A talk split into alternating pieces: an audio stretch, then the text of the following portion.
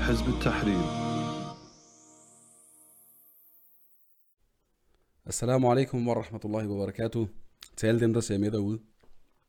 Først og fremmest så vil vi beklage forsinkelsen, der har været nogle udfordringer med lyden. Og derudover så vil jeg byde jer velkommen til det første af fire oplæg, som er en del af den kampagne, Hizb Tahrir har lanceret i forbindelse med Rajab måned.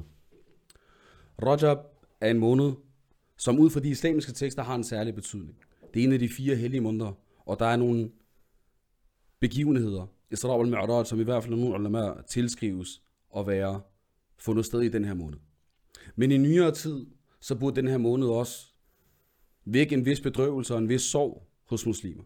Fordi det lige præcis var i den her måned for 100 år siden, at den islamiske stat definitivt blev nedlagt.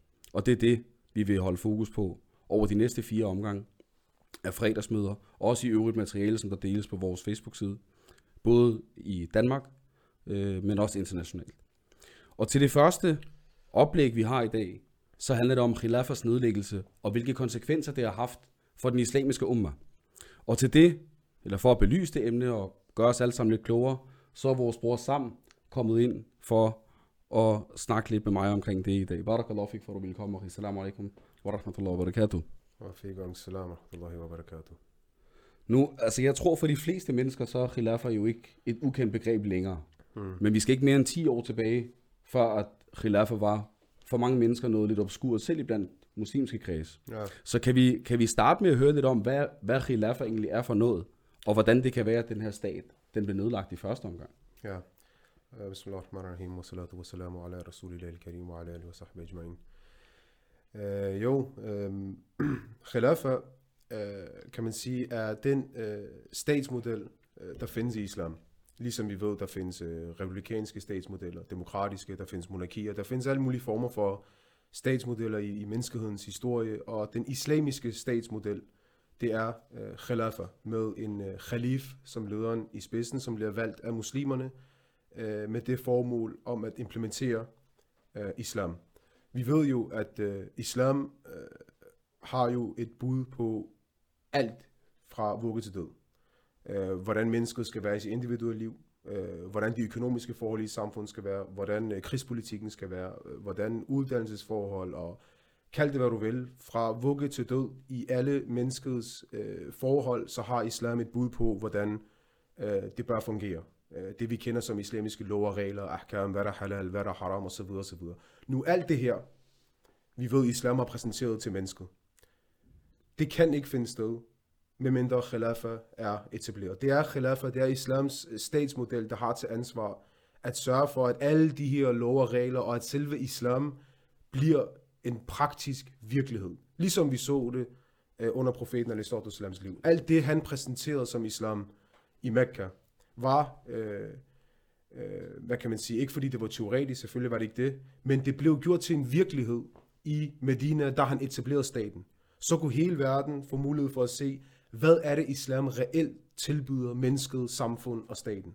Og der så vi, da Khilafah blev etableret, den her statsmodel, som islam øh, præsenterer, og sharia blev øh, iværksat, og sharia blev beskyttet, og sharia blev også øh, udbredt, øh, så så menneskeheden, hvad islam øh, havde tilbudt gennem Khilafah.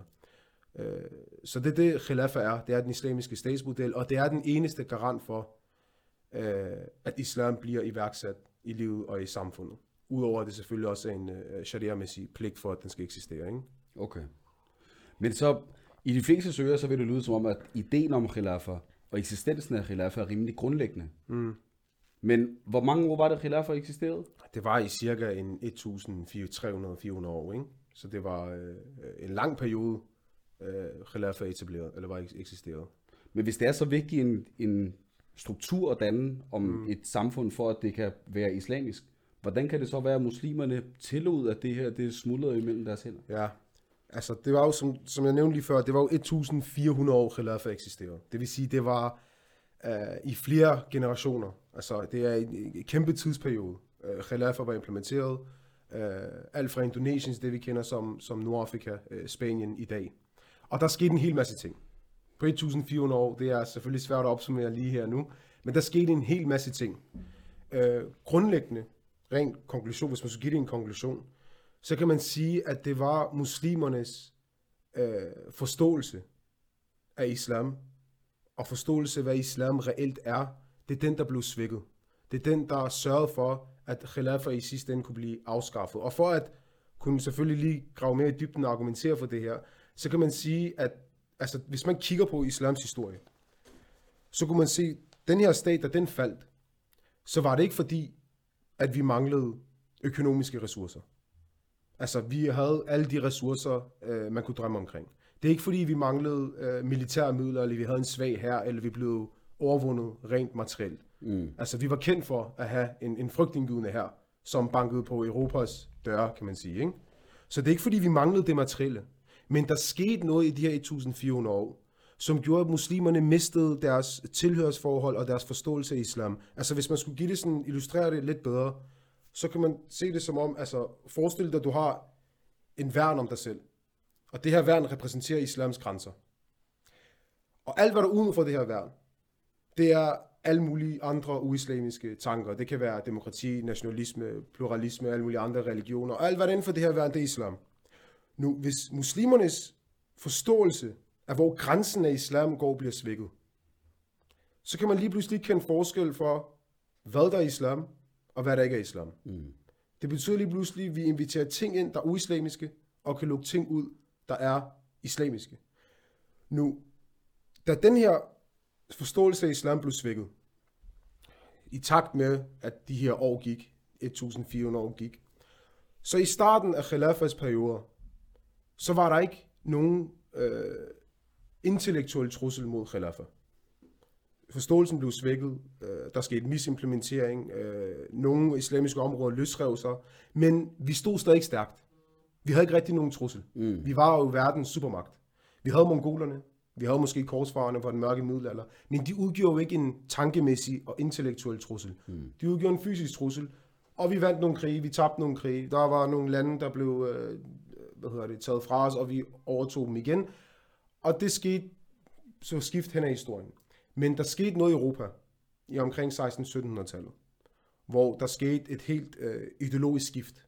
Oplysningstiden. Oplysningstiden, som vi kender den. Ikke? Mm. Hvor der kom et boom af, af, af tanker omkring livet, omkring samfund, moral, etik, hvad meningen med livet, statsdannelse, samfund.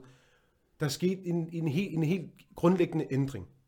Og med de her tanker, der kom i Europa, de blev præsenteret for muslimerne. Og faktisk ikke engang præsenteret Europa udfordrede muslimerne med de nye sekulære, liberale, kapitalistiske tanker. Men muslimerne stod i en periode, hvor de havde en svækket forståelse af islam. Så de vidste ikke helt, er der overhovedet en adskillelse mellem islam og det Europa præsenterer? Hvordan kan det være, at man har en Europa med industriel fremgang?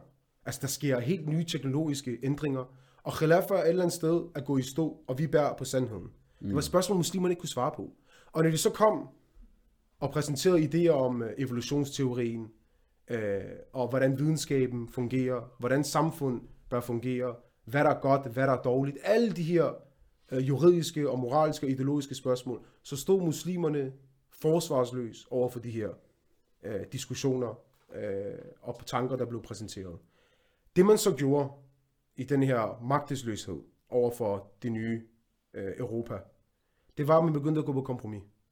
Til den grad, vi ved, at, at, øh, at, at øh, man kan finde, at nogle muslimer, der lige stødte ind på eksempelvis kommunismen, og de så kommunismen tale om social retfærdighed, og alle skulle have lige meget, fordi muslimerne ikke rigtig kunne kende forskel mellem det og islam, så begyndte nogle at argumentere for, jamen, det her det er jo islamisk, fordi profeten al går også op i, at personer ikke sulter. Mm. Så vi kan da godt sige, at profeten var den første socialist, var der nogen, der sagde. Mm. Og så kommer man demokratiet og siger, jamen demokratiet, det er et resultat af, at man ikke vil have en tyrannisk konge, der styrer det hele. Nu skal folket vælge deres ledere, således at der er retfærdighed og ingen er hed over loven osv. osv. Det præsenterede de også til muslimerne. Mm. Og der sagde muslimerne, altså der har man også en forståelse af, at det her, det, er jo, det modstriver heller ikke islam. Og demokratiet er jo heller ikke så anderledes. Jamen profeten af islam var sikkert også den, han var den første demokrat, der kom med de her regler. Det vil sige, for, den svækkede forståelse af islam gjorde, at man ikke kunne rigtig begynde at kende forskel for, hvad der var uislamisk og hvad der er islamisk, og så lavede man den her kompromisløsning på tankemæssig plan. Men man gjorde også noget andet. Man blev også mere fascineret af det, Europa havde. Til den grad, at, øh, at, at man sendte sine børn til Paris, til London, for at øh, studere, og lære om den nye øh, teknologiske fremgang, og hvordan... Øh, altså, man læste alle mulige forskellige studier derhen, og så kom de tilbage med en helt ny kulturel forståelse af, hvordan verden bør være. Mm. Man sendte officerer derover, man sendte højstående personer derover for at læse og komme tilbage. Man åbnede ambassader op i vores lande. Uh, universiteter, The American University of uh, Beirut, mm. som var et universitet, der var kendt for, at man sagde, at hvis man, hvis man tilsluttede sig det universitet, og uh, blev uddannet efter det, så gik man ind som muslim og ud som kafir. Mm. Fordi i det universitet, så mødte man alle mulige nye tanker, blandt andet evolutionsteorien, og hvor man ikke rigtig kunne modargumentere. Mm. Fordi nu var du ikke, altså vi havde på det tidspunkt, så havde Khilafah stadig en stor her. Og vi havde massevis af ressourcer, og vi var frygtindgydende, og folk kunne ikke rigtig materielt gøre os noget. Mm. Men på tankemæssige plan var vi blevet svage. Okay. Og vores tillid og forståelse af, at islam reelt kunne løse samfundsproblemer, som Europa var i gang med at løse, den begyndte at blive svækket. Mm. Og så begyndte vi at tage stille og roligt imod det Europa øh, fremlag, og som så gjorde til sidst, at øh, tilliden til islams statsmodel og samfundssystem blev så svækket, at, øh, at, at Europa selvfølgelig formåede gennem deres agenter og gennem det, vi kender som ungtyrkerne, kunne lave et kup i, i det sidste øh, Khilafas hovedstad, øh, hvor forræderen Mustafa Kemal til sidst tog øh, magten og etablerede det, man kaldte en tyrkisk republik nu. Mm. Og selvfølgelig var der en modreaktion fra muslimerne, men man kunne forvente en større reaktion. Mm. Men der var ikke den største reaktion. Fordi man et eller andet sted havde accepteret i godsøjne, accepteret, at jamen, det her med republik og demokrati og den måde, verden nu fungerer nu, det er et eller andet sted også acceptabelt i islam, ikke? Mm, okay, så adskillelsen mellem, hvad der var islamisk og uislamisk, det blev mere og mere flydende. Den var blevet sløret. Til den grad, altså islam var iman på Allahs profet, ibadat, nogle enkelte kulturelle ting at hænge fast. Men når det kom til samfund og statsmodel og økonomi og hvordan, så havde man intellektuelt overgivet sig til det, øh, Vesten havde øh, frembragt. Der er faktisk en, øh, altså en, lidt, en, en begivenhed i Ægypten under Napoleon, øh, da han kom og, og, og skulle øh, vinde de muslimerne i Ægyptens tillid til Frankrig og, og, og Frankrigs tanker og hvad Frankrig nu havde præsenteret til verden, hvor han kom med, med, med videnskabsmænd og forskere øh, og skulle øh, vise den alt, hvad man nu kunne med, med den, med den moderne videnskab dengang. Og der viser lidt om muslimernes forståelse, fordi når der kom til videnskab, så havde de jo ikke øh, videnskabelig fremgang, som Europa havde. Og de var helt fascineret. Altså totalt fascineret over, hvad Frankrig kunne øh, byde på af videnskabelig fremgang. Og apropos wal Miraj, mm. så, så, så var der på et tidspunkt, hvor de så alle de her videnskabsmænd vise, øh, hvad Frankrig og Europa nu kunne vise muslimerne. Så var der spurgte dem, jamen kan I, også, kan I også få en mand til på en nat rejse over til en anden by og komme tilbage? Altså, det, altså hvis man bare har lidt ABC-forståelse af videnskab, så ved man godt, at det, det er umuligt. Mm. Og forskerne var sådan lidt, hvad, hvad snakker du om? Men det var fordi, vi kender jo beretninger om Israel med yeah, så havde de lavet sådan en kobling med, jamen kan I også gøre det? Fordi vi ved sådan noget her har, har fundet sted før, ikke? Jo. Og det viser deres, altså deres lave forståelse af, af hvordan verden så ud, ud over altså, deres egne grænser, ikke? Jo. Så det var det her med, at man, at man havde forstået, altså en svækket forståelse af islam, og var islam rigtig uh, kunne byde på. Mm. Og så tænkte man, så er der mange, der kom med det her, uh, blandt andet reformistiske personer, der kommer og siger, at islam har behov for en reformation. Mm. Islam er ikke så universel, som, som vi har gået rundt og troet. Der er behov for en reformation, der er behov for en ændring, fordi i nutidens verden, så, så, så kan I, altså, det ser ikke ud til, at islam fungerer. Mm. Og det så de ud fra nogle, nogle, altså, et, et, et optik om, at de har en svækket forståelse af islam, ikke? Det er jo interessant med det der, fordi det trækker tråde til hvor vi står i dag som mm. muslimsk fællesskab, både i Danmark, men også i resten af verden i virkeligheden. Hvor du stadig finder enklaver, måske særligt blandt de intellektuelle, mm. som har behov for ligesom at finde øh, et, et, øh, et mellemsted at stå mellem islam og, og de tanker, der dominerer i dag, ikke? Altså ja. i forhold til liberalisme og kapitalisme og så videre, men det kan man måske snakke videre om på et andet tidspunkt. Nu rører du lidt, eller du berører lidt det her med, hvordan muslimerne intellektuelt blev svækket, og hvordan mm. de blev udfordret af Vesten. Men vi så jo også, som du nævnte, at der har været områder under den islamiske stat, der løsrev sig. Ja. Hvad der ligner at være, at være frivillige løsrivelser. Mm. Men, men hvor, hvor stammer de fra? Ja. Altså de her løsrivelser, de her, de her oprørsbevægelser i virkeligheden, ja, ja. især op imod slutningen af Prilafas levetid. Altså den, den største intellektuelle, hvis ikke eller en af de største, øh, det er ideen omkring nationalisme.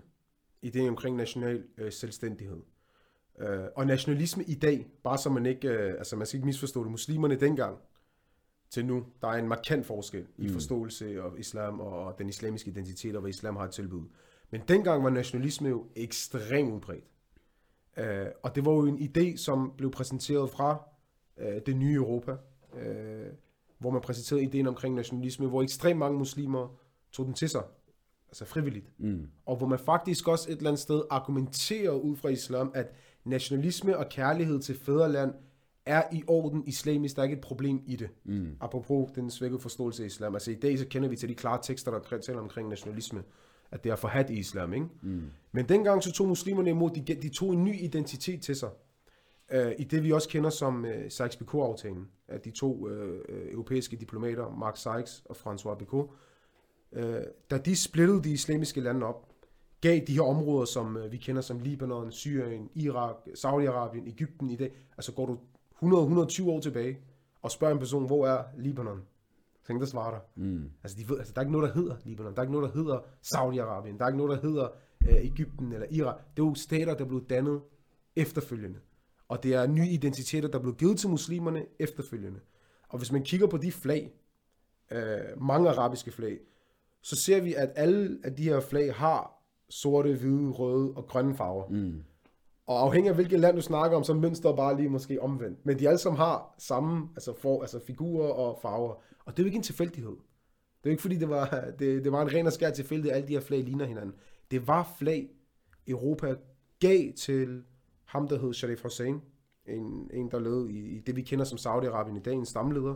Og gav ham det her flag, og sagde til ham, prøv at se her, det her det er din nye identitet. Du er araber. Og dem, der har khilafa i Istanbul, osmanerne, det er tyrkere. De skal da ikke bestemme over dig. Hvorfor, har- hvorfor kan de som tyrker bestemme over dig som en araber? Og nogle argumenterer endda, for profeten var også araber. Mm. Det, det, det, jo- det vil sige, det er dig, der skal være den reelle repræsentant for islam. Tag det her flag, som er din nye identitet. Ikke det flag, som siger, nu har vi det heroppe, La ilaha illallah Muhammad Rasulullah. Dit nye flag, det er det, som kender dig som en arabisk person. Gud og kæmp khilafa. Altså bekæmp Allah, hans profets stat. Med andre ord, de her flag og de her nationale identiteter, du taler om, Ja. det er nogen, der er blevet givet af kuffar For at nå til muslimer, Præcis. for at splitte muslimer. for at splitte muslimerne, og for at bekrige Allah og hans profetsdag. Så, så altså, fejlen, udfordringen lå ikke bare i, at tanken blev præsenteret. Mm. Det kan du forvente af, af, af en Europa, der ser khilafa som en politisk trussel. Problemet lå i, at muslimerne fandt stolthed i det her. Og prøvede et eller andet sted at argumentere for det. Og sige, jamen jeg er stolt uh, libaneser, jeg er stolt jordaner, jeg er stolt Ægypter, og for den sags skyld, pakistaner, tyrker, iraner, uh, øh, lige meget hvad. Den her nationalistiske tankegang, hvor vi bilder os selv ind, Altså, den her stat er givet af en europæer, af en franskmand og en, og en britter. Han har lavet den her stat, som nu du finder, altså en, en person finder stolthed af. Han har lavet den her stat med det formål, at du skal være svækket. At du skal være splittet. Det er jo ikke tilfældigt, at grænserne er, altså så ser du Ægypten, der er sådan helt lige cut. Det er ikke tilfældigt, at de ligger, som de gør. Det er meget unaturligt. Det er meget unaturligt, og det er bevidst for at sørge for, at vi er svækket. Fejlen lå så i, at vi begyndte at finde stolthed i det her. Mm. Og begyndte at sige, jamen jeg finder loyalitet til det her land, jeg finder stolthed i det her land, og jeg er ikke tyrker, jeg er ikke det. Jeg er islam i hjertet, men jeg vil gerne øh, dø for mit, øh, for mit, øh, for mit fædreland. Mm. Og man fandt stolthed. Og det her, det var nok den, altså det, den, den største øh, svækkelse, vi begyndte at tage imod, det var de her nationalistiske tanker, øh, som selvfølgelig i dag ikke er så udbredt øh, til, til, som det var dengang. Dengang det var det var en helt anden sag, hvis man læser historiebøgerne. Det var, det var helt, øh, altså man, det, det er komisk, at hvordan man kan finde stolthed i noget. Altså bare for at give et eksempel, ikke? Øhm, nu husker jeg ikke familien. Der var en bestemt stammefamilie øh, i, i det, der vi kender som Saudi-Arabien i dag, der blev støttet af britisk efterretningstjeneste og britterne, og, og, og de nye lande, der blev dannet, Jordan, øh, hvad hedder det, Libanon, Irak, det mandatområde, der tilhørte britterne, de gav den her familie øh, dominansen over det her mandatområde. Og de flyttede dem rundt, og gav dem magten i de her forskellige mandater, som det passer, som om det er bare et stort puslespil. Mm. Altså det er millionervis af livs skæbne, han, han bestemmer, men det var ligeglad. Mm. De byttede dem rundt. I 1923, hvis jeg ikke tager fejl, da Irak blev dannet, så blev han kronet. Jeg husker ikke hans navn. Han blev kronet som konge til den britiske nationalsang i Irak. Altså, det, det gik mening. Det, det er tragikomisk. Altså, det viser, altså, men, men, og alligevel finder du stolthed. Altså, det, det er en britiske nationalsang, du bliver kronet til i Irak. Og du finder stolthed og tænker, nu, nu styrer jeg landet. Jeg har Det er mig, der styrer det hele nu. Det, det, det, er det, der, det, er det, der, så, altså, det er det, der skete, kan man Mm. sige, ikke? Ja, det, det har selvfølgelig også sat sine spor, og sætter stadig sine spor, ikke? Vi kan se det i forhold til hele Palæstina-problematikken, Mm. hvor også det palæstinensiske flag og en selvstændig palæstinensisk stat, nogle gange så er det noget, muslimer selv kalder på, at palæstinenser skal have, eller palæstinenserne skal have en, en selvstændig palæ- palæstinensisk arabisk stat, Mm. frem for, øh, hvor du netop er med til at facilitere eller rodfæste Præcis. nationalismen. Ja, ja. ikke? Så det er bare en til stat ud af de grænser. 50, vi nu er blevet til, ikke? Ja. Men altså det, jeg- jeg tror, der, der er sikkert nogen, der sidder og tænker, okay, altså Khilafah er her ikke, og det er selvfølgelig et problem, men, men hvor slemt er det egentlig? Mm. Altså, hvor, hvor stor en påvirkning har det på den situation, muslimerne lever i i dag? Ja. Altså, et eller andet sted, ikke? Så kan man trække alle de problemer, muslimerne lever under. Ikke fordi, at vi siger, at khilaf er en engelsk og, og, og udfordringer ikke kan ske. Selvfølgelig kan det det. Uh, hungersnød skete jo under bin Khattabs tid. Men det var ikke, det var ikke en hverdag, Mm. og det var ikke bevidst. I dag, de problemer, vi ser, om det er, øh, om det er hungersnød, fattigdom, krig, øh, korruption, alt hvad vi finder som en hverdag i vores land. Det er ikke enkelte tilfældigheder. Det er en hverdag, det er systematisk, det vil sige, det er bevidst. Det er netop grundet fraværet af khilafah, en oprigtig leder, som vil implementere islam. For at give et eksempel, ikke? Irak, efter øh, det blev vurderet af amerikanerne i 2003, så øh, læste jeg en, øh, en, en statistik, der nævnte, at det årlige budget for Iraks sundhedsvæsen, hvis jeg ikke husker forkert, lå på 25 milliarder dollar. Mm-hmm. Det årlige budget for Iraks sundhedsvæsen. Efter amerikanerne kunne gå ind og være inde i landet, som de vil, guvernør Paul Bremer, en amerikaner, der er guvernør i Irak, det giver sig selv ikke Mhm. mening, ikke? kunne komme ind, så ser man, at amerikanske og britiske olieselskaber pumper for, hvad der svarer til 100 milliarder dollar dagligt Mm. af olie. Sundhed, altså budgettet for sundhedsvæsenet ligger på 25 milliarder dollar årligt. Det vil sige, du ser, altså det, altså at, at der så er problemer sundhedsmæssigt, og folk ikke kan få adgang til medicin eller hvad det er, det er jo ikke, hvem har tilladt det? Mm. Det er jo ikke en, en, en, en tilfældighed. Altså, de lande, vi lever i nu, de har de største ressourcer. Jeg tror, det var Afghanistan, øh, der lå i undergrunden op til, jeg tror, det var 5 trilliarder kubikmeter af gas, ligger der i, i Afghanistan. Vi ved olien i vores land, det er overflod af olie. Altså rigdom, vi har det hele. Men vi mangler en oprigtig leder til at kunne fordele de her ressourcer. Mm.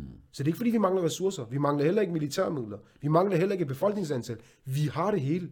Vi mangler en oprigtig leder, som vil varetage folket med det, islam har et tilbud. Mm. Fordi varetager folket med en, en, et koncept omkring privatisering, som er sådan altså et vestligt kapitalistisk øh, koncept, jamen så tillader han jo internationale virksomheder at komme ind og, og, og, og plyndre ressourcerne, som, som, som man også ser, at de gør i dag. Ikke?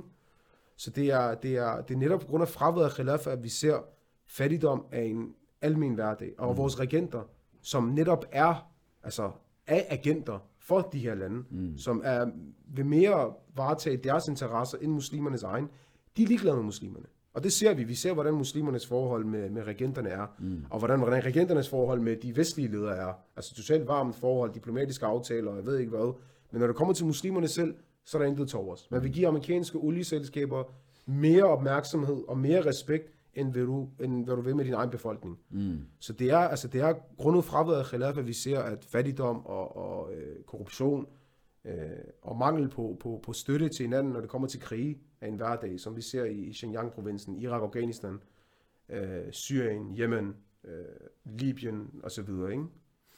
Man kan sige, at rækken af katastrofer er, er, er selvfølgelig lang, så det er jo en... Det skal også lige siges, at, at ja, undskyld, jeg afbryder. Altså, man kan selvfølgelig øh, stille mere spørgsmål til det her med, altså, hvordan konkret øh, årsagen er til khilafah, hvis der, hvis der er spørgsmål til det, ikke? Og der vil jeg selvfølgelig også påminde alle dem, der ser med derude, at hvis I har spørgsmål til det, der bliver talt om, så stil endelig spørgsmålet øh, med det samme. I behøver ikke at vente til til sidst, og hvis det så er sammenhængende med det, der bliver talt om, så tager vi det op med det samme. Men det er jo, for mange mennesker, så er det jo kendskærninger, det du siger der. Mm. I forhold til de katastrofer, der har ramt den islamiske umma, Ja. og, og store dele af, af den ikke-muslimske verden også for den sags skyld, altså det man generelt øh, kategoriserer som den tredje verden, Mm. der har du vestlige intellektuelle også, som der påpeger det her, ikke? Ja, altså i forhold til neoko- neokolonialisme, Ja, ja. hvordan de vestlige stormagter, de udnytter de forskellige stater osv., men, men der er alligevel en del iblandt muslimske rækker, øh, Er det skeptisk over det måske? der, der, der dels skal være skeptiske, mm. og måske også anklager den her fremlæggelse, som du kommer mm. med. Altså, hvor det i, i bund og grund, så kan det lyde som om, det hele er kuffars skyld. Ja, At det så bliver en sovepude for muslimerne, og Ja. siger, vi har ikke noget ansvar i alt. ja. her." Altså, som, som, nu- som vi har nævnt siden starten, ikke?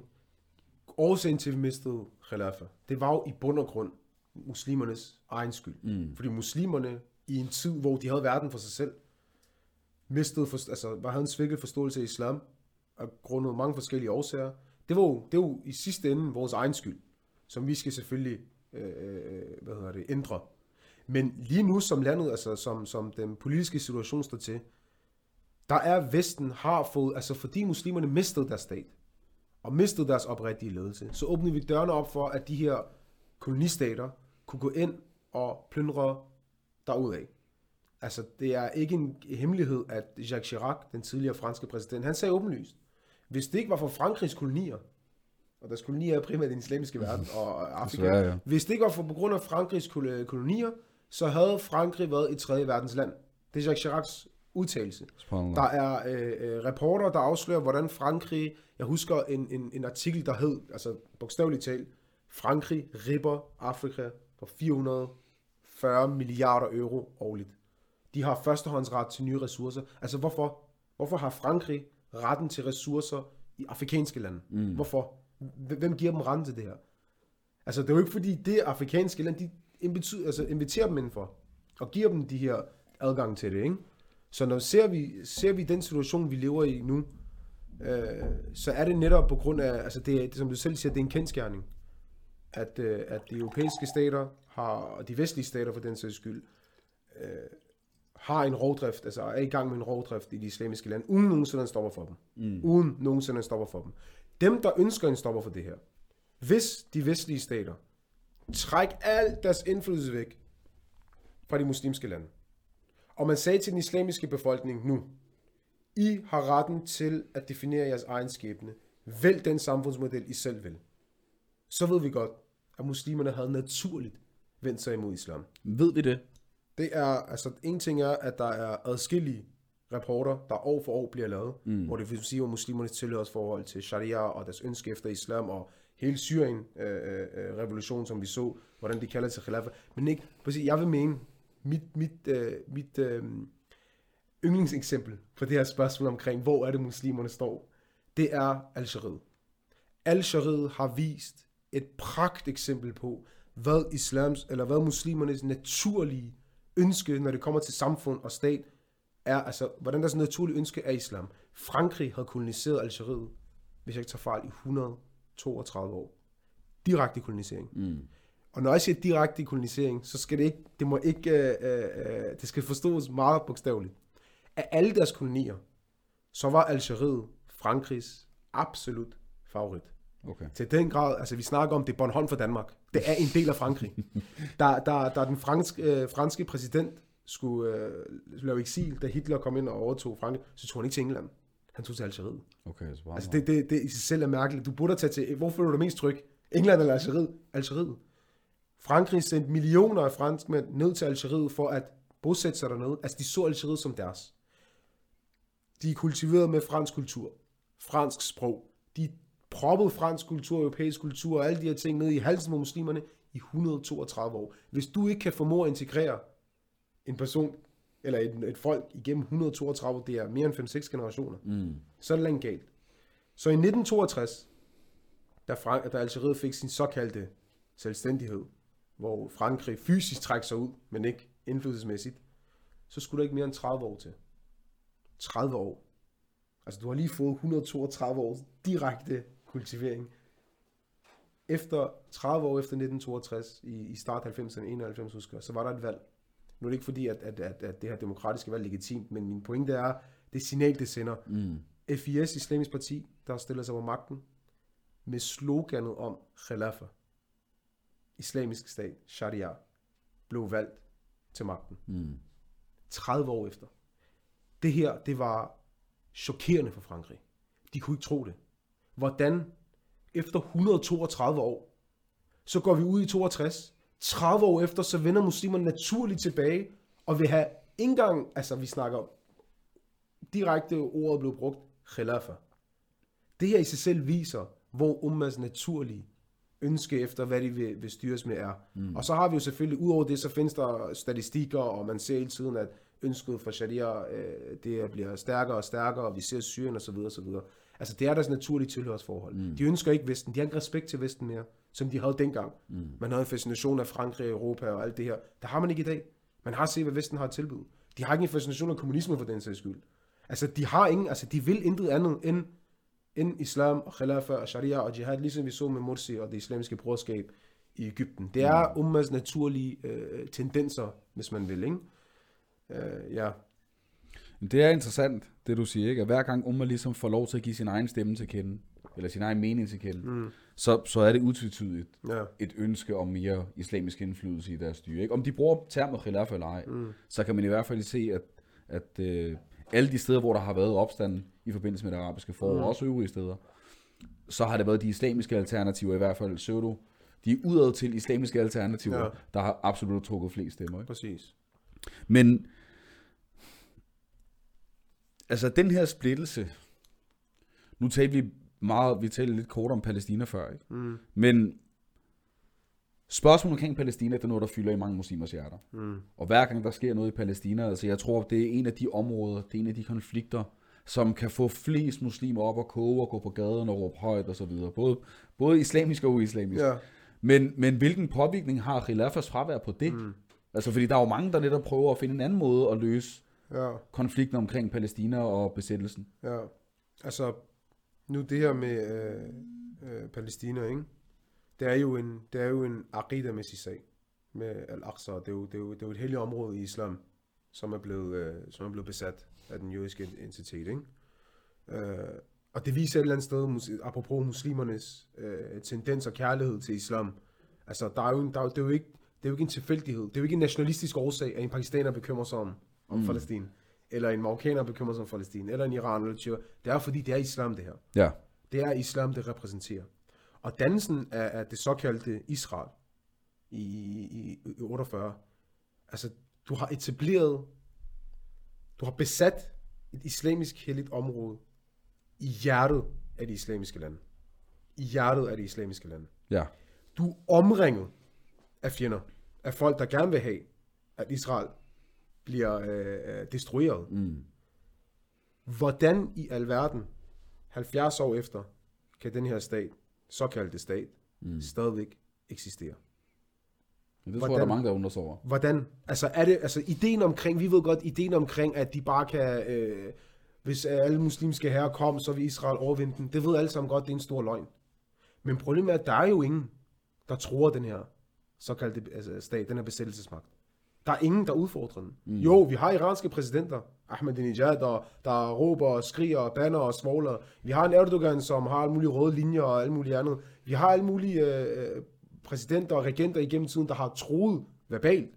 Men alle de her islamiske herrer, muslimske herrer, der er i områderne omkring besættelsesmagten, har aldrig nogensinde invaderet det. Det vil sige, at der er ikke en politisk vilje for at fjerne den. Det eneste, der har været, det er verbale udtalelser. Dem, der har gået hen og, og, og reelt udgjort en modstand mod øh, den her besættelsesmagt, det er muslimerne selv. Altså med sten. Mm. Altså, de går hen uden noget som helst. Men regenterne, som besidder, altså, som har øh, ansvar over for herren og det ene, de har ikke sendt eneste sted. Tværtimod, vi ser Tyrkiets her komme ind i Syrien. Vi ser Irans her gå ind i Afghanistan Irak og beskytte de amerikanske invasion. Mm. Vi ser Tyrkiet nu indblande sig i Libyen. Og ikke nok med det, nu ser vi, at de arabiske regenter åbenlyst, åbenlyst, altså nu er det, nu er det sagt, mm. vi anerkender Israels eksistens, og nu skal vi lave diplomatiske aftaler. Det vil sige med andre ord, du accepterer, at den eksisterer. Mm. Du accepterer, at den her eksisterer. Men muslimerne, der var en, øh, en jeg, jeg ved ikke om det var Al Jazeera, lavede en reportage omkring lige det her med de, de, de øh, diplomatiske aftaler, fredsaftaler med, med, med, med Israel, ikke? for nyligt. Så blev der lavet sådan en rundspørg i Marokko. Øh, hvor de spurgte den almindelige marokkaner, vil du acceptere, hvis du skriver under på det her papir, det var jo, altså det var sådan for sjovt, ikke? Hvis du accepterer øh, fredsaftalen med Israel, så skulle du bare skrive under på det her. De sagde, altså bare en almindelig person, det er ikke fordi han har en eller anden myndighed. Nej, nej. Så får du, Allah alam, det var 1000 dirham, men, men penge, der betyder noget for en, for en person, der ikke har nok til dagen og vejen. Så siger de, du skulle bare skrive under, så får du 1000 dirham. Så sagde jeg, Wallah, jeg vil ikke skrive under. Altså, selvom han vidste godt, altså, skriv under og få dine 1000 dirham, du ved, det ikke skriver nogen forskel, men han skriver ikke under. For det er et princip. Palæstina, det her område, er ikke til salg. Mm. Altså, det er muslimernes øh, loyalitetsbånd. Men regenterne, som laver diplomatiske aftaler, handelsaftaler, sikrer dens eksistens. Det er dem, der er årsagen til, at sådan en besættelsesmagt som Israel stadigvæk bevares. Det vil sige, med andre ord, fraværet af khilafa og en oprigtig khalif, som har et islamisk mindset, som gerne vil implementere sharia og bevare islam og komme muslimer til undsætning, det er jo det, vi mangler. Mm. Og det er jo det, vi ikke har i dag. Som blandt andet gør, at sådan en stat, øh, jeg bliver med at kalde det stat, der er besættelsesmagt, som Israel øh, kan få lov til at eksistere. Mm. Det er jo gennem regenterne, at den får lov til. Hvis regenterne var væk, og de sagde, at se, nu er det ikke os, der har kontrol over øh, øh, de muslimske lande, og om USA og Vesten træk alle deres indflydelse og, og aftaler, hvad det var, ud af de muslimske lande, og sagt, nu bestemmer I selv jeres skæbne, så har Israel et kæmpe problem. Et kæmpe problem. Mm. Så problemet, som du siger, det er jo det, vi i virkeligheden lagde ud med, ikke? eller det, du lagde ud med at snakke altså, om, at den her splittelse, der er iblandt mm. muslimerne, eller i, i hvert fald på, på ledelsesmæssig plan, at, ja. at der ikke er en samlet ledelse, mm. som forener muslimerne. Og at de her forskellige landområder, de her forskellige nationalstater, mm. det, er jo ikke engang, det er jo ikke engang oprigtige ledere, der sidder mm. så op og regerer i de her nationalstater. Ja. Det er despotiske undertrykkere, som er blevet indsat fra Vesten. Ja, jeg har, jeg har, jeg har en, øh, på se, det her med... Jeg skal, jo, jeg skal lige bede dig at enten tale øh, meget højere, eller tage mikrofonen lidt tættere på. Det gør. Uh, apropos det her med uh, despotiske regenter og agenter, uh, og det du også nævnte før, det skal ikke lyde for konspirationsteoretisk, og man gør lidt skeptisk. For det her det er blevet så normalt. Det her med ideen omkring, at regenterne i islamiske verden er agenter og uh, er blevet sat ind af Vesten, og en ting er, der findes tusindvis af rapporter på det her, at mm. folk er blevet uddannet i Vesten og kommet tilbage og CIA med Khomeini, og man kan finde en hel masse omkring de her ting, men her forleden, tro det eller ej, Top Gear, intet med politik at gøre. Det er bilprogram, ikke også? Bilprogram. Har intet med, med politik, eller i hvert fald noget at gøre. Så bliver inviteret en gæst ind i Top Gear med ham der, Jeremy Clarkson der. Og ham her person, han er ikke en hvilken som helst person. Han er en sanger. Men hans far hed Miles Copeland, som var en, øh, en, en øh, agentspion for CIA. Så sidder ham verden for Top Gear og spørger ham, hvordan var det egentlig at være en søn af en CIA-agent? Prøv at se her, åbenlyst. TV-show. Så han, det, man var ikke sådan at rejse jo. Han havde jo travlt med at installere Jamal Abdel Nasser i Ægypten i 50'erne, mm. og, og hele tiden frem og tilbage og lave aftaler med, med den islamiske verden, og, og forme det islamiske verden, vi kender i dag. Åbenlyst på program. Altså, det, det er i 50'erne, det her er sket hvor man i, i dag Top Gear kan begynde at snakke omkring, at det var en helt normal ting, at CIA fløj ind, installerede øh, agenter og gik igen og sørgede for at fjerne agenter og nye agenter skulle på, som det passede ved de, de, de vestlige stater. Mm. Altså så normalt er det blevet, så åbenlyst er det blevet. Og der sagde han det lige ude på top, det program der, at, øh, at det, det sådan var der at have en far, der var, der var øh, spion for, eller agent for, for CIA, ikke? Jo. Uh, ja. Miles Copeland, han har skrevet en bog med sine erindringer omkring det her, har han ikke det? Jo, Game of Nations husker den hed, ikke? Hvor det er, det er, altså, det, det, det er blevet, øhm, det er en officiel ting nu. Mm. Det kommer også frem med, Khomeini var jo også en af de skikkelser, man, øh, man betragtede som en eller anden islamisk leder. Øh, men det var der også kommet frem, og det er også en almindelig kendt ting i dag, at, øh, at øh, han samarbejdede med CIA og kontakt med CIA på. Øh, Bashar al-Assad, øh, det russiske udenrigsministerium, kom også ud og sagde til USA under den syriske revolution, Bashar al-Assad er jo jeres mand. Det er jo ikke, det er jo ikke, en, det er jo ikke en hemmelighed. Han er jeres mand. Og vi, altså, man kan se det nu, hvordan med Mohammed Salman, kongefamilien, og Abdel Fattah Sisi, der bliver kaldt, eller blev kaldt Donald Trumps yndlingstyran, og de her forhold, de har et stærkere forhold med, med, med de vestlige stater, øh, og vil hellere bevare deres interesser end, end muslimernes. Mm. Der er lige et, øh, et spørgsmål fra en seer her, som siger, en leder som Mohammed, øh, Mohammed Abdelaziz af Saud, som har stor magt og penge, hvorfor forsøger han ikke at oprette et oprigtigt islamisk system? De påstår deres styre er baseret udelukkende på sharia samt de islamiske regler fra Quran og Sunnah, men det er det jo ikke. Mm. Altså hvad, man kan måske udvide spørgsmålet lidt til ikke kun at handle om, om Saudi-familien, men generelt, mm. altså hvordan kan det være, at der ikke er en eneste Erdogan for eksempel? Han er jo Mm. en, som, han er jo nok en, en, en hest, som mange de, øh, spiller Ja, ja. på, og 20-23 Ja. planer, jeg skal give dig.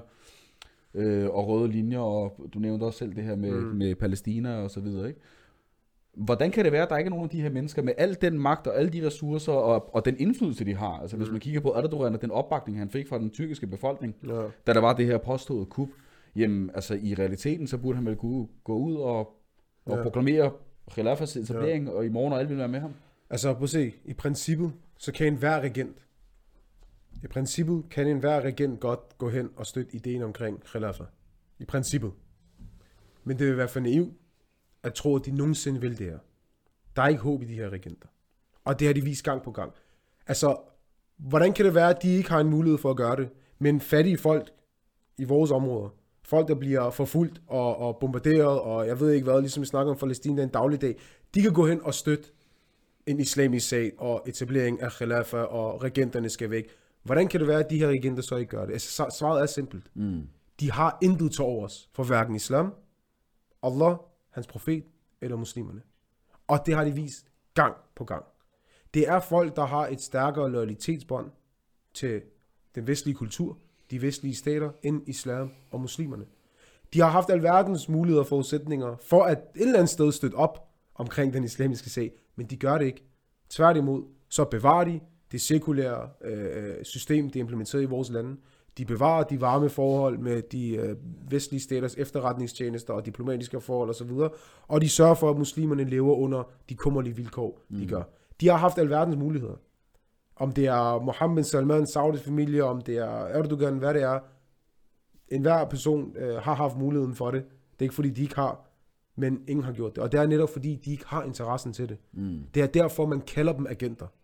Altså, det er folk, der repræsenterer nogle andre end den islamiske befolkning og islam. De repræsenterer mere Vesten og den vestlige kultur og de vestlige staters interesser end muslimerne og islam og Allah og hans profet. Og det er faktum. Og det er ikke de eneste. Sådan har det været. Altså, det er, ikke, det er jo heller ikke en tilfældighed. Så det, jeg prøver at forklare for, at det er den måde, vores stater er blevet dannet. Da de vestlige stater trækker sig ud af det, man kalder uafhængighedskrigene, der skete gennem de der 40, 50, 60'erne øh, i den islamiske verden. Ja, de vestlige stater trækker sig ud fysisk. Fysisk så står der ikke en franskmand med et gevær i hånden, eller en britisk, eller fysisk er trukket ud, men de ansigter, der er trådt frem i stedet for, det er folk, der blev uddannet, mm. opvokset og opdraget af de vestlige stater, for at sidde der på magten. Og det er der igen øh, tusindvis af rapporter og udtalelser omkring. Det er dem, man har sat for at sørge for, at man stadig kunne have en forbindelse mm. i landet. Og muslimerne har jo gjort den her kamp op med de her regenter. Har intet til overs for dem. Og vil gerne have dem vel. Ligesom vi så det arabiske for, øh, det arabiske for som stadigvæk er i gang, men man kan sige, at den er sat- sat på en eller anden pause. Men vi har jo gjort vores kamp op med dem. Altså man siger før i tiden, så det her arbejde for ændring, og det her, at muslimerne så komme ud af den tilstand, de var i, i starten af 1900-tallet, i slutningen af 1800-tallet, starten af 1900-tallet, så, så, så var problemet først og fremmest muslimerne selv, fordi de i sindet var fascineret og overbevist omkring alt det her med Vesten tilbud og så videre. Mm. Men nu er, er, er, er, altså, er det her sind ændret. De har set, at det her det var, altså, det var noget fupnummer, det fungerede ikke, og det Vesten tilbud fungerer ikke. Nu, nu er de i kamp mod selve regenter. Nu er de bare låst fast. Lige snart muslimerne er sat frie af de her linker, som regenterne har sat dem ind i, så vil de vælge de her systemer og etablere det, islam er kommet med. Mm. Men nu er kampen mellem regenterne og den islamiske nation, og regenterne står med det internationale samfund, og USA og FN og Europa øh, bag sig, og muslimerne har øh, dem selv og deres øh, urokkelige iman. Det er den kamp, det står ved. Vi kan ikke forvente noget af de her regenter. Det vil være, det vil være håbløst. Det vil være altså, øh, politisk analfabetisme at tro, at de her regenter nogensinde vil gøre noget. Det eneste, de gør, det er øh, snak efter snak, og, og så sker der ikke rigtig noget. Øh, og Erdogan er jo nok, øh, det, som du selv nævnte, den sidste, det er nok den hest, nogen vil, vil spille mere på end andre, og det er det, der også gør det farligt. Fordi han, han en eller anden måde sniger sig ind og vinder en form for tillid. Og øh, nu er der gået, han har siddet der siden 2001, hvis jeg kunne så forkert. Der er Mm. sket altså ingenting for muslimernes sag. Irak og Afghanistan var under ham. Syrien var også under ham. Det er interessant, det du siger jo, ikke? Fordi altså, helt tilbage fra starten af 0'erne, altså det første udenlandsbesøg, Erdogan han var på, det var mm. hos George Bush. Ikke? Mm. Og efterfølgende, det var ham og hans parti, der stemte for, at Tyrkiet skulle blande sig i Afghanistan. Og den eneste grund til, at det, blev, øh, at det ikke blev sådan noget, det var, fordi det blev nedstemt i, mm. i salen, fordi mm. der var massive protester fra befolkningen. Så det var ikke ja, ja. Erdogan selv, der holdt landet ja. ude. Ikke velvilligt i hvert fald. Mm. Men, men ikke desto mindre, så, så er han nok den sidste bastion for mange af dem, der, der, har, der prøver at bevare troen på, at vi kan gøre det gennem de eksisterende regimer, der eksisterer i dag. Mm. Og apropos hele det her med, da Khilafah den blev nedlagt, og de arabiske oprør, der var over for, for, for en tyrkisk leder i princippet, ikke? altså mm. den osmaniske Khilafah, ja. så ser vi jo nu for første gang i ja, altså næsten 100 år, ikke? at du har araber, der faktisk kigger mod Tyrkiet, og ser op til den model, de har der, og den statsleder, de har der. Mm. Så at, er det så entydigt afskrevet blandt muslimerne, tror du? Mm. At vi ikke kan lægge vores tid til de her mennesker? Mm. Altså, og vi ser jo også de her klip med Erdogan, hvor han reciterer Quran og så videre, ikke? Og, ja. så, og så siger han jo fra tid til anden nogle ting. Mm. Jo, altså det er ikke fordi, det er entydigt, at det er en hver muslim, og en, en hver, altså blandt muslimerne, der har fuldstændig mistet tillid, men det er blevet en, en, en mere en generel tendens blandt øh, masserne i islamiske lande. Mm. At den her, det her forhold med, hvad der hedder stat og regenter, det er svækket. De, de, de har ikke så meget tillid til det mere. Erdogan mm. er også ved at miste sin, sit fodfæste, også i Tyrkiet selv, ikke? Men, men det her med, at, at muslimerne ønsker en ændring, og at muslimerne ikke mere skal satse på de her regenter, den er blevet svækket gennem tiden. Mm. Hvor før i tiden, så lå, så, så altså, det, apropos Jamal Abdel Nasser, hvis man tror, at Erdogan er kendt, så har man ikke stødt ind på Jamal Abdel Nasser. Jamal Abdel Nasser var en superstjerne, ikke kun i Ægypten. Det er altså over, altså det er på tværs af den islamiske verden. Da han talte, så var folk stille. Hele den islamiske folk lyttede til hans taler, fordi han var så charmerende, og han var så, øh, øh, hvad hedder det, karismatisk og så videre, ikke?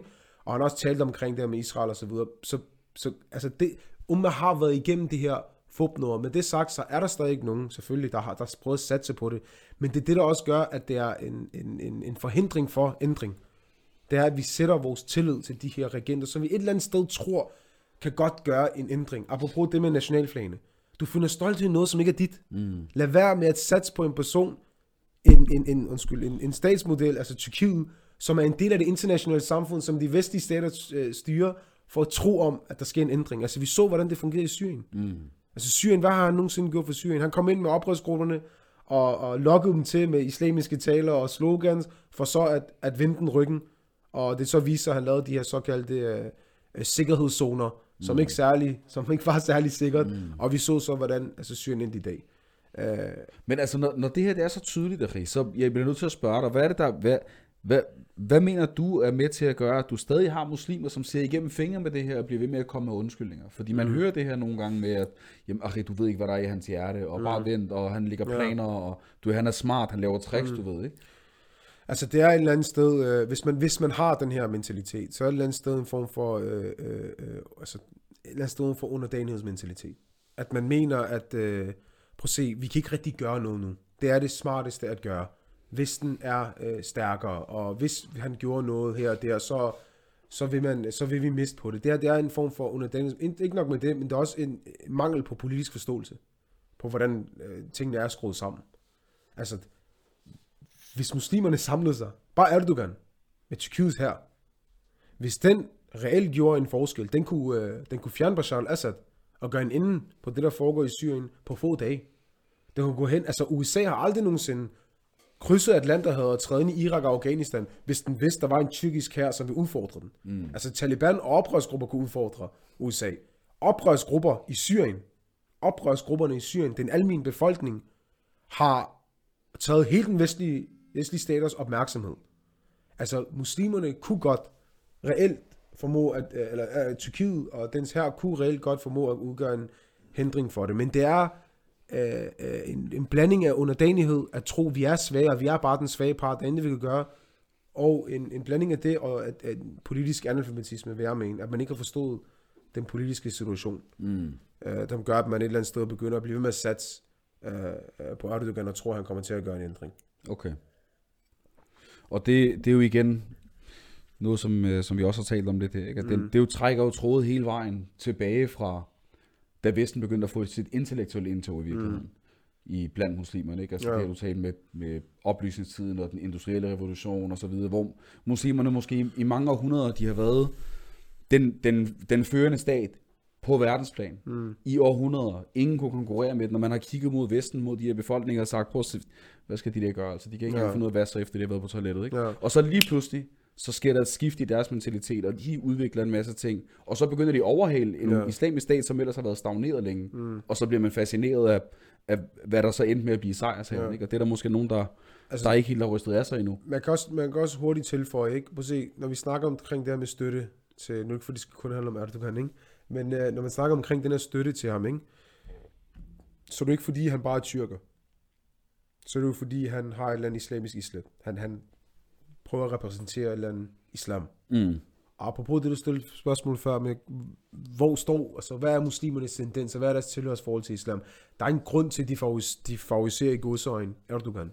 Og det er fordi, han repræsenterer den her islamiske stolthed, og nogen øh, øh, prøver at beskrive ham som en eller anden, den øh, osmanniske barnebarn, og han mm. repræsenterer den der historie, ikke?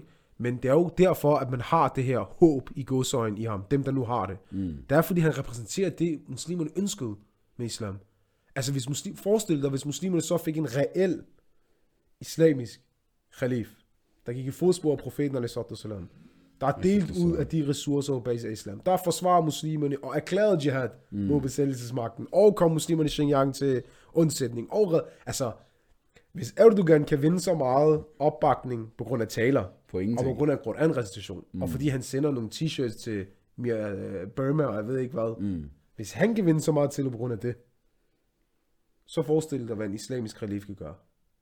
Det tæller måske lidt ind i et spørgsmål, vi lige har fået fra en bror på Facebook, hvor han siger, man hører nogen sige, hvordan samler khilafah muslimerne, når du ser, hvordan de muslimske lande er splittet, og hvert land fører sine egen, eller har sine egne interesser. Ja. Der er det vigtigt at adskille mellem, man skal adskille mellem, hvad staterne i islamiske lande præsenterer, og befolkningen. Vi må ikke blande, vi må ikke tro, at, at, at, at regenterne og systemet i de islamiske lande er et med befolkningen. Det er to modsætninger. Mm. Altså befolkningen har, apropos det her med, med, med, med de diplomatiske aftaler med besættelsesmagten, det er, det, det, det er systemet. Det er regenterne, der går ud og laver de her øh, aftaler. Det er ikke muslimerne. Det er ikke muslimerne, der står omkring det. Mm. Altså tager du en muslim fra Marokko og Algeriet, eller tager du en muslim fra, fra, fra Syrien, Libanon, altså deres, deres forståelse af tilhørsforhold og loyalitet til islam er meget altså, stærkere, end det er til regeringen og systemet. Mm. Så når, når khilafah kommer, og khilafah bliver etableret, og den vil øh, implementere islam, og gøre en reel ændring, og komme muslimerne til undsætning, så vil du naturligt se, at muslimerne på tværs af kloden, ikke bare de islamiske lande, på tværs af kloden, vil bakke op om det her, især fordi de kan se, det her, det hvad Allah, hans profet har at komme med. Hvis en islamisk leder, hvis den, den kommende khilafah-stat, erklærer jihad mod besættelsesmagten, som den første stat nogensinde, mm. altså efter khilafahs fald, Og og reelt gør noget. du, du mener jøder, jødestaten? Ja, og reelt gør det. Og reelt siger, nu er jeres tid over med at stå og, og gøre alt det, I har gjort mm. med at dræbe børn og kvinder og så videre, så videre. Altså, så forestil dig, at den pakistanske befolkning rejser og støtter op, mm. men Imran Khan siger, nej, det skal I ikke. Så får Imran Khan et problem. Mm. Og så lige meget, hvor meget øh, pakistansk charme ting, han kan tale. Og cricket, han er god til at spille. og Altså så lige meget, det, det er lige nok, meget øh, hvad. Hvis der er nogen regenter, der står i vejen for, at man ser en khilafah-stat gøre noget reelt. Altså hvis du ser en khilafah-stat, der begynder at brødfode sin befolkning, og muslim, så vil muslimer naturligt vende sig og sige, til, altså, og, og den kalder til muslimerne til at komme og støtte op, så lige meget hvilken regent du har. Han kan ikke gøre noget. Mm. Altså, kampen er over. Så det vil være, altså når den begynder at samle det, man skal adskille mellem befolkningen, den islamiske umma, og øh, regenterne og, og systemet, øh, øh, vi ser. Jeg har et, øh, et til spørgsmål her fra Facebook, som er lidt relateret til det, vi havde ty- øh, tidligere. Øh, brugeren han skriver, jeg har et spørgsmål. Historien bekræfter, at jøder og kristne levede trygt i den islamiske verden under den islamiske khilafah i sin tid. I dag bor der også mange jøder og kristne i de muslimske landområder. Er de også påvirket, og det må være jøderne og de kristne, han øh, henviser til, er de også påvirket af de regimer, som er etableret i den muslimske verden i dag, eller er det primært muslimerne, som er påvirket af fraværet af khilafah? Altså, man se, fraværet af khilafah har øh, helt det her øh, sektoriske spørgsmål. Både blandt muslimerne selv, shia sunni spørgsmålet. Altså, øh, spørg folk fra Irak. hvor stort et problem var Shia-Sunni-problematikken før 2003? Mm. Hvor store problemer har det været historisk? Det vi så efter 2003, hvor man gik i kødet på hinanden. Det fandtes der. Der er nogen, der er statistikker, der tæller om, og det er lidt vildt at tænke på, der var ikke rapporteret et selvmordsangreb i Irak før 2003. Mm. Og det blev en hverdag efter amerikanerne kom ind. Øh, øh, det er rigtigt, øh, som spørg, spørgsmålet lyder. Kristne og jøder øh, og muslimer har aldrig levet øh, mere fredeligt side om side, som det var under det islamiske styre. Fraværet af det islamiske styre og, og, og det opblusning af sektarismen og be, dannelsen af besættelsesmagten Israel gjorde nemlig, at spændingen blev værre. Ikke fordi, at der er et problem med jøderne, som lever i Nordafrika eller andre islamiske lande. Der lever Mm. stadig jøder den dag i dag. Det er jo ikke, det er jo ikke, det er jo ikke, det er jo ikke jøden, vi har et problem med. Det er en besættelsesmagt. Om den hedder Israel, om den hedder USA, eller hvad det er. Besættelsesmagt, der er der et problem med.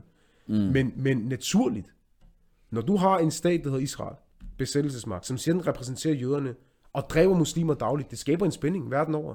Det skaber en spænding. Og det er ikke på grund af muslimerne. Mm. Det er netop fordi, at du skaber de her intense forhold i vores lande, med sektarisme og shia og sunni og, og det, nu har vi det der, helt den der ISIS, øh, øh, hvad hedder det, der lige var der, den lige havde en chance i 4-5 år, og den bare dræbte kristne og gå for og skabe sektarisme og splittelse. Det er jo de her ting, der gør, at de her sektaristiske, sektaristiske tendenser, om det er mellem muslimerne eller ej, det kommer frem igen. Mm. Og det er netop, og der har man jo, altså, der, der ved man jo godt, det her, det er jo netop fraværet af en islamisk, øh, at sharia bliver iværksat. Det er vigtigt at huske på, khilafah har jo ikke en betydning, ligesom det havde i slutningen af khilafahs øh, periode. Mm. Det er ikke en betydning, at khilafah er det, hvis sharia ikke bliver iværksat. Sharia skal være iværksat, som den er. Så når den bliver iværksat med, med alle de ahkam, alle de lov og regler, der er i forhold til dhimmi borger og retfærdighed, og profeterne så, du siger, skade du en dhimmi borger, det er som om du har skadet mig. Det, altså, aldrig nogensinde har kristne og jøder og muslimer levet mere fredeligt, end de gjorde under khilafah og sharias dominans. Mm. Efter det, så begyndte de, de spændinger, øh, man så begyndte at se. Så det har en betydning. Øh, jeg vil endda påstå for hele verden, at, at khilafah ikke er øh, etableret. Ja, fordi det du siger, det er jo i virkeligheden, at enhver form for, for minoritet eller gruppe, som adskiller sig fra flertallet, mm. om end det er inden for islamiske trosretninger, skoleretninger, eller om det er i forhold til muslimer og ikke-muslimer, Mm. så vil de alle sammen lide last ved, at sharia ikke er implementeret. Mm. Og de vil alle sammen kunne leve en tryg og sikker og harmonisk tilværelse sammen Mm.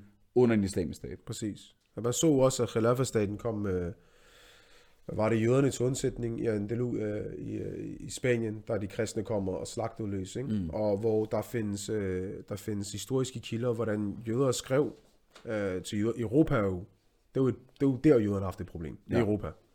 Det er, øh, det er et narrativ at stå og sige, det er under islam. Jøderne er et problem under Europa, og det øh, havde det helt op til ikke for så lang tid siden. Mm. Øh, og der skrev jøder komme til khilafah. Vi har sikkerhed, vi har rettigheder her. Vi har en sikkerhed her. Altså, vi bliver et eller andet sted, øh, ikke værdsat, men forstå mig, altså, vi bliver, der, der, der er sikkerhed. Der er garanti for, at, at man kan leve som normal menneske her. Og det er fordi islam har det her syn på øh, generelt mennesker. Mm. Øh, og det er jo, hvor samtidig i Europa, så blev de forfulgt, og selv op til Nazi-Tyskland og så videre, så havde de jo problemer med, med, med jøder, ikke? Så khilafah, altså fraværet af khilafah har skabt en konsekvens. Altså, det er for alle. Altså, det er, om du, om du er en kristen, der sulter i Irak, så er det fordi fraværet af sharias økonomisystem, som, har, som er forpligtet til at fordele goderne øh, ifølge de islamiske tekster, og ikke bare give dem til multinationale selskaber, hvor to mennesker kan sidde på hele rigdommen. Mm. Altså, når en person bliver forfulgt og dræbt øh, af sin egen regent, altså, så er det fordi, du er fraværet af- af khilafah og et retfærdigt system. Mm. Og der er, ikke, der, er ikke nogen, øh, der er ikke et system, der kan være mere retfærdigt for muslimerne og menneskeheden, end det khilafah kom med. Det kræver bare, at det bliver iværksat. Det kræver bare, at det bliver iværksat. Og det kan ikke rigtig ske for ungen, før khilafah kommer. Som, som en afsluttende kommentar øh, til det, eller besvarelse på et spørgsmål, der er en, der skriver her, øh, Salam alaikum, bror. Hvad skal muslimer gøre ifølge jeres mening? Og der er også blevet stillet noget mm. øh, lignende. Fordi hvis vi ikke, hvis vi ikke kan tvinge, eller hvis, hvis de her regenter ikke har tænkt sig at, at rykke på noget for mm. at tilvejebringe den her virkelighed igen, Mm. for at vi igen kan få en islamisk stat at leve under et, øh, og leve i et harmonisk og trygt samfund, Ja. ja. hvor regenten er til for os, og i, i stedet for at være imod os. Ja, ja, ja. Hvad, nu kommer vi til at behandle det her emne Det er det, så senere hen. jeg- ja, men, det- men, men kan du bare sådan meget kort sige, hvor kan vi starte hen Ja. som muslimer? Altså, hvad, hvad kan være en af de første spadestik, vi kan tage mm. som enkelte muslimer, for at prøve at, at Ja. skabe og give et skub i den her retning? Ja, altså som vi, som vi kom frem til i starten af vores, øh, af vores snak, ikke? At problemet med, at vi mistede Khilafah, var et problem i, i, i forståelse. Mm. Det var ikke et problem af materialistisk set, altså af økonomi eller ressourcer eller her. Eller, det var et problem med forståelse. Genvinder vi den her forståelse, genvinder vi tilliden, indsigten og forståelsen og loyaliteten til islam og, og og sharia og alle de systemer, den bringer med sig. Det er det, vi skal arbejde med. Samtidig med, at vi øger den politiske øh, øh, forståelse hos muslimerne. Således at man ikke satser, at man ikke finder loyalitet, og man ikke har håb i de her regenter, men vi arbejder for, at enhver muslim, uanset hvor man befinder sig på kloden, at støtte op omkring den her sag om etablering af khilafah. Altså det, der skete i Syrien øh, med oprørsgrupperne, det var jo ikke så meget øh, viljen, gejsten, iman for at etablere islam og bekæmpe Bashar. Altså folk gik i døden. Mm. Men det var sløring i at forstå, hvem er ven, hvem er fjenden. Bashar al-Assad er fjenden. Det, det, det, det, vil sige, det er et politisk spørgsmål. Det blev et politisk spørgsmål lige pludselig. Erdogan kommer og reciterer Koran og tilbyder mig hjælp. Jamen, han, han, er, han, er, han er en støtter. Det er ham, vi skal læne os op af. Og så gik tingene i den modsatte retning. Man gik fra 80% af Syrien havde oprørsgrupperne til 20%. Mm. Øh, efter man begyndte at satse på Erdogan og tro, at han en eller anden loyalitet til ham. Så problemet altså, ligger ikke mere i det her, som vi snakker om, at nu skal vi sige til muslimer, de ikke er fascineret af Vesten og Europa og vestlig kultur mere. Det er de ikke. Det var dengang. Det er de kom over. Deres identitet er islam, deres loyalitet er islam. Det er, det er islam, de vil. Nu er det mere om at opretholde den her kamp, der er i gang. Om at fjerne regenterne fra magten, og at kræve øh, øh, khilafah, og at kræve sharia, samtidig med at forstå, hvordan det politiske spil er. Mm. Altså eksempelvis, som du nævnte, det her med at satse på Erdogan, nu virker vi at nævnt ham meget, men bare satse på regenter, det er noget, vi skal gøre op med. Vi skal forstå, hvordan den politiske virkelighed fungerer. Og det er også øh, øh, noget, der er, er ændret markant, men, men det kommer selvfølgelig, som du selv nævnte, det er et oplæg for sig selv, der bliver holdt om, jeg ved ikke om det er næste uge eller næste uge igen, omkring lige præcis, hvad vi skal mm. gøre. Men, men ellers er det jo i, øh, hvad skal man sige, fint i tråd med det, du allerede har været inde på, mm. i forhold til de her øh, mentale barriere og forvirringer Mm. omkring grundlæggende islamisk adskillelse mellem, hvad er islam og hvad er ikke islam. Kan islam fungere inden for en demokratisk mm. eller en, en, en, en cirkulær referenceramme, Ja, ja, som for eksempel Tyrkiet eller et hvilket som helst andet land? Ja. Eller har det sin helt egen måde at indrette et samfund og udpege sine regenter og øh, forme sine institutioner ja. og Ja. så videre, ikke? Jeg tror ikke, vi når så meget mere i dag. På trods af forsinkelsen, så har vi alligevel nået at komme op på en time, og alhamdulillah, vi har fået noget engagement også fra, fra seerne derude. Og jeg vil gerne takke jer for at, at følge med og for at, øh, at byde ind, og som sagt, så vil der blive fortsat i det her tema de næste øh, tre fredage, øh, hele Rajab ud, hvor vi vil komme ind på Ummers ansvar i forhold til arbejde for Khilafah, og hvordan den her stat, hvordan, når den kommer til, hvordan bliver den opbygget i praksis. Og øh, så vil vi også komme ind på de tekster, de islamiske tekster fra Quran og Sunnah, som der taler om tilbagevendelsen af den her islamiske stat. Så vil jeg sige Barakallah fik til dig øh, sammen, for du ville komme. Det var dejligt at have dig her. Og øh, ellers så håber vi, det har været gavnligt for alle dem, der har set med, og det der var godt, det kom fra Allah, og det der var dårligt, det kom fra os selv. Og må Allah belønne jer for at, for at deltage aktivt. Wassalamu alaikum wa rahmatullahi wa barakatuh.